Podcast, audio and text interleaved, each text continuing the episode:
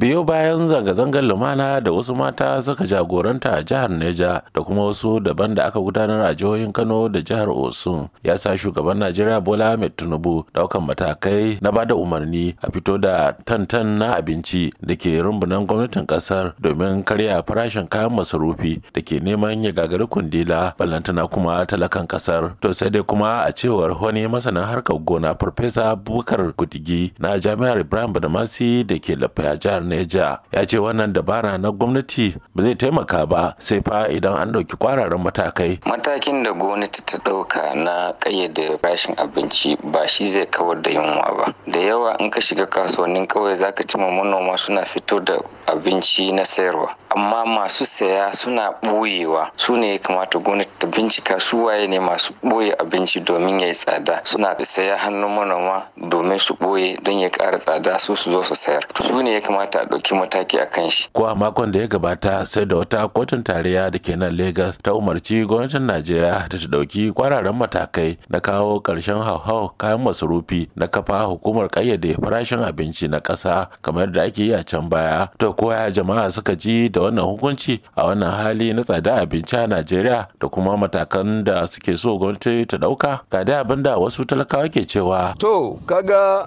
ai wannan dama shine kusan ƙashin bayan makasudin shiga halin da ƙasar ta yi na ƙarin na janye tallafin mai da gwamnatin tarayya take ma al'umman ƙasa. Babu wani abu wanda talakan ƙasa yake amfana da shi babu shi saboda haka kaga dama abin da ya rage kenan wannan tallafin mai ɗin da ake ba al'umma suke ɗan samun sauƙi.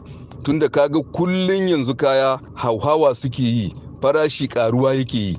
So saboda haka kaga wannan wani abu ne wanda yake mu muna kallon inda majalisar ƙasa ta san abin da take yi.